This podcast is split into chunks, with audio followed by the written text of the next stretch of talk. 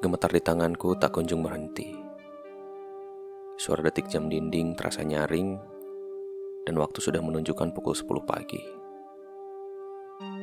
Semalam aku hanya tidur dua jam, tapi sedikit pun aku tak mengantuk. Rasa yang tersisa hanya takut tentang apa yang terjadi pada anak dan istriku. Yang sakit, teriak istriku. Aku langsung beranjak ke kamar pasien dan menggenggam erat tangan istriku.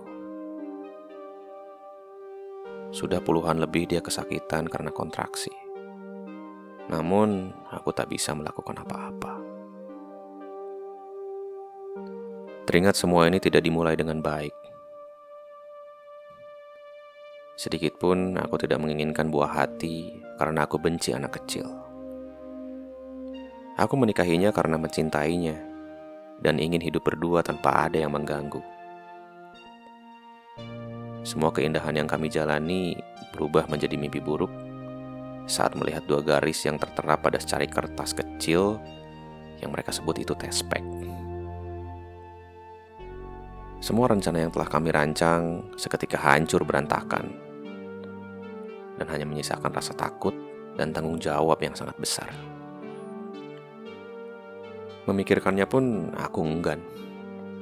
Bagaimana aku bisa hidup tenang jika harus hidup dengan sosok yang aku benci? Namun, aku harus tersenyum, berpura-pura bahagia saat dia tunjukkan tespek itu. Walau sepertinya dia tetap bisa melihat tanda-tanda frustasi dari kelakuanku. Pada tiga bulan kehamilan istriku, Mimpi buruk itu perlahan terasa nyata. Aku lihat wajahnya seolah menyembunyikan rasa kesal, marah, dan sakit yang teramat dalam. Dia seorang wanita yang sangat terampil membuat masakan. Pelan-pelan, tegurnya sambil bersiap untuk makan. Dia tersenyum sambil menyuapkan sesendok nasi ke mulutnya. Lalu beberapa menit kemudian, dia berlari ke wastafel dan mengeluarkan semua yang dia telan tanpa henti.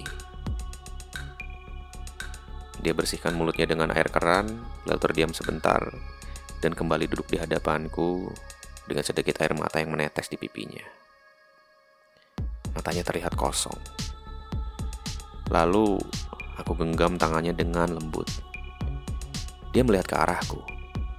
Perlahan ekspresinya semakin gelap Air matanya mulai mengalir deras. Aku lapar. Sambil terisak melawan irama tangisannya. Aku terdiam dan membeku. Tak bisa aku gerakkan tubuh ini. Hanya melihatnya menangis di hadapanku. Dia kelaparan. Karena dari sejak pagi, semua yang dia makan tak dapat dinikmati. Terbuang dan berakhir di wastafel. Dia makin terisak sampai kesulitan untuk berkata. Lalu dia memukul-mukul perutnya, lalu aku beranjak memeluk erat tubuhnya. Sejak saat itu, hari-hari terasa gelap, dingin. Terkadang aku berpikir, bisakah kita bahagia seperti dulu? Pergi ke tempat mana pun yang ingin kita tuju. Sudahlah, hadapi semua ini. Mungkin sudah belasan kali aku melihat dia memukuli perutnya. Meracau jika dia tidak menginginkan anak itu. Aku tidak akan pernah lelah untuk terus memeluknya. Tugasku sekarang adalah setidaknya membuat dia sedikit tersenyum. Pada enam bulan kehamilan istriku, perutnya sudah mulai terlihat besar. Dia terlihat berjalan sambil berusaha menegakkan badannya. Sudah, Biar aku aja yang cuci, ucapku. Gak apa-apa, kamu kerja sana, balasnya. Wastafel ketika itu hanya tempat mencuci piring. Bukan lagi tempat untuk membuang makanan yang telah ia telan. Wajahnya sudah mulai berwarna, tidak pucat seperti sebelumnya. Terkadang aku khawatir tentang aktivitas yang ia lakukan. Dia seorang wanita yang ingin selalu bekerja, menggerakkan tubuhnya untuk beraktivitas, dibandingkan hanya duduk dan memandangi layar sentuh kecil yang biasa orang lain lakukan untuk mengisi waktu kosongnya. Sebelum berangkat kerja, aku menanginya. Sambil membawa rasa sedih yang tak pernah aku rasakan sebelumnya. Dia tertidur menghadap kiri sambil memegang sisi kanan perutnya. Apakah dia akan baik-baik saja? Pertanyaan itu terus menghantui pikiranku. Aku pergi bekerja dengan mengabaikan semua prasangka buruk yang terus menghantuiku. Kerjaku tidak fokus. Pemandangan ketika dia memukul-mukul perutnya terus menghantuiku. Memang aku tidak menginginkan anak itu. Tapi keguguran bukan hal yang aku harapkan. Aku tidak peduli dengan nyawa anakku. Tapi aku sangat menyayangi istriku. Entah memori traumatis apa yang akan terbentuk jika semua itu terjadi. Biasanya, aku menghabiskan banyak waktu di kantor untuk menyelesaikan deadline pekerjaan. Namun, akhir-akhir ini aku pulang cepat karena firasat ini terus membawaku ke arah rumah. Aku bergegas untuk pulang. Sesampainya di rumah, kulihat dia sedang duduk di sofa sambil menonton TV dan mengelus-elus perutnya. Udah pulang? Kerjaan kamu beres nggak? Tanya dia. Ya beres dong, jangan khawatir lah, jawabku. Sini deh, pintanya. Aku duduk di hadapannya, lalu dia mengarahkan kepalaku ke perutnya. Tuh, dia lagi nendang-nendang, lanjutnya. Mataku terbelalak. Tubuhku bergetar. Perasaan apa ini? Aku merasakan sentuhan dari buah hatiku sendiri. Perlahan, aku melihat ke arah istriku.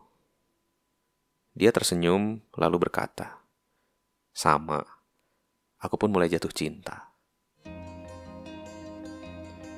Saat ini, aku dan mertuaku memasuki ruang tindakan Para bidan mulai panik melihat istriku yang kesakitan tanpa henti. Tanganku digenggam erat sampai tulangku terasa pegal. Ibu yakin gak mau diinfus? Tanya Bu Bidan kepada istriku. Iya gak perlu, jawab istriku. Ruangan ini sungguh menyeramkan, semuanya terasa intens. Istriku berusaha mengatur nafas demi memberi tekanan yang maksimal untuk mendorong keluar bayi yang dia kandung selama 9 bulan. Sementara para bidan terus memandunya, diiringi dengan genggaman tangan yang kencang, dan tangis tanpa henti dari mertuaku. Sampai pada akhirnya istriku berteriak, Itu apa yang keluar? Seketika, air mengalir deras seperti banjir besar pertanda ketuban telah pecah. Tekan terus, Bu, pandu sang bidan. Tak lama kemudian, Diambillah sesuatu dari tempat dia keluar, dan itu disimpan di dada istriku. Seketika benda itu menangis dengan kencang. Tangisan tak bisa kami bendung.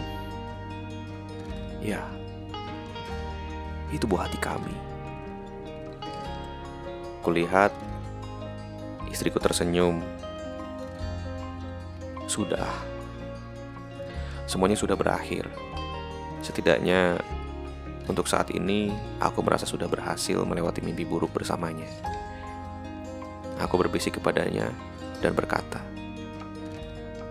"Sudah, kita pasang KB aja ya. Sudah cukup semuanya." Perlahan, air mata mengalir di pipinya.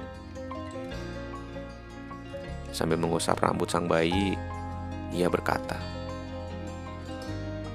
"Kasihan." kalau dia nggak punya adik, dia akan kesepian.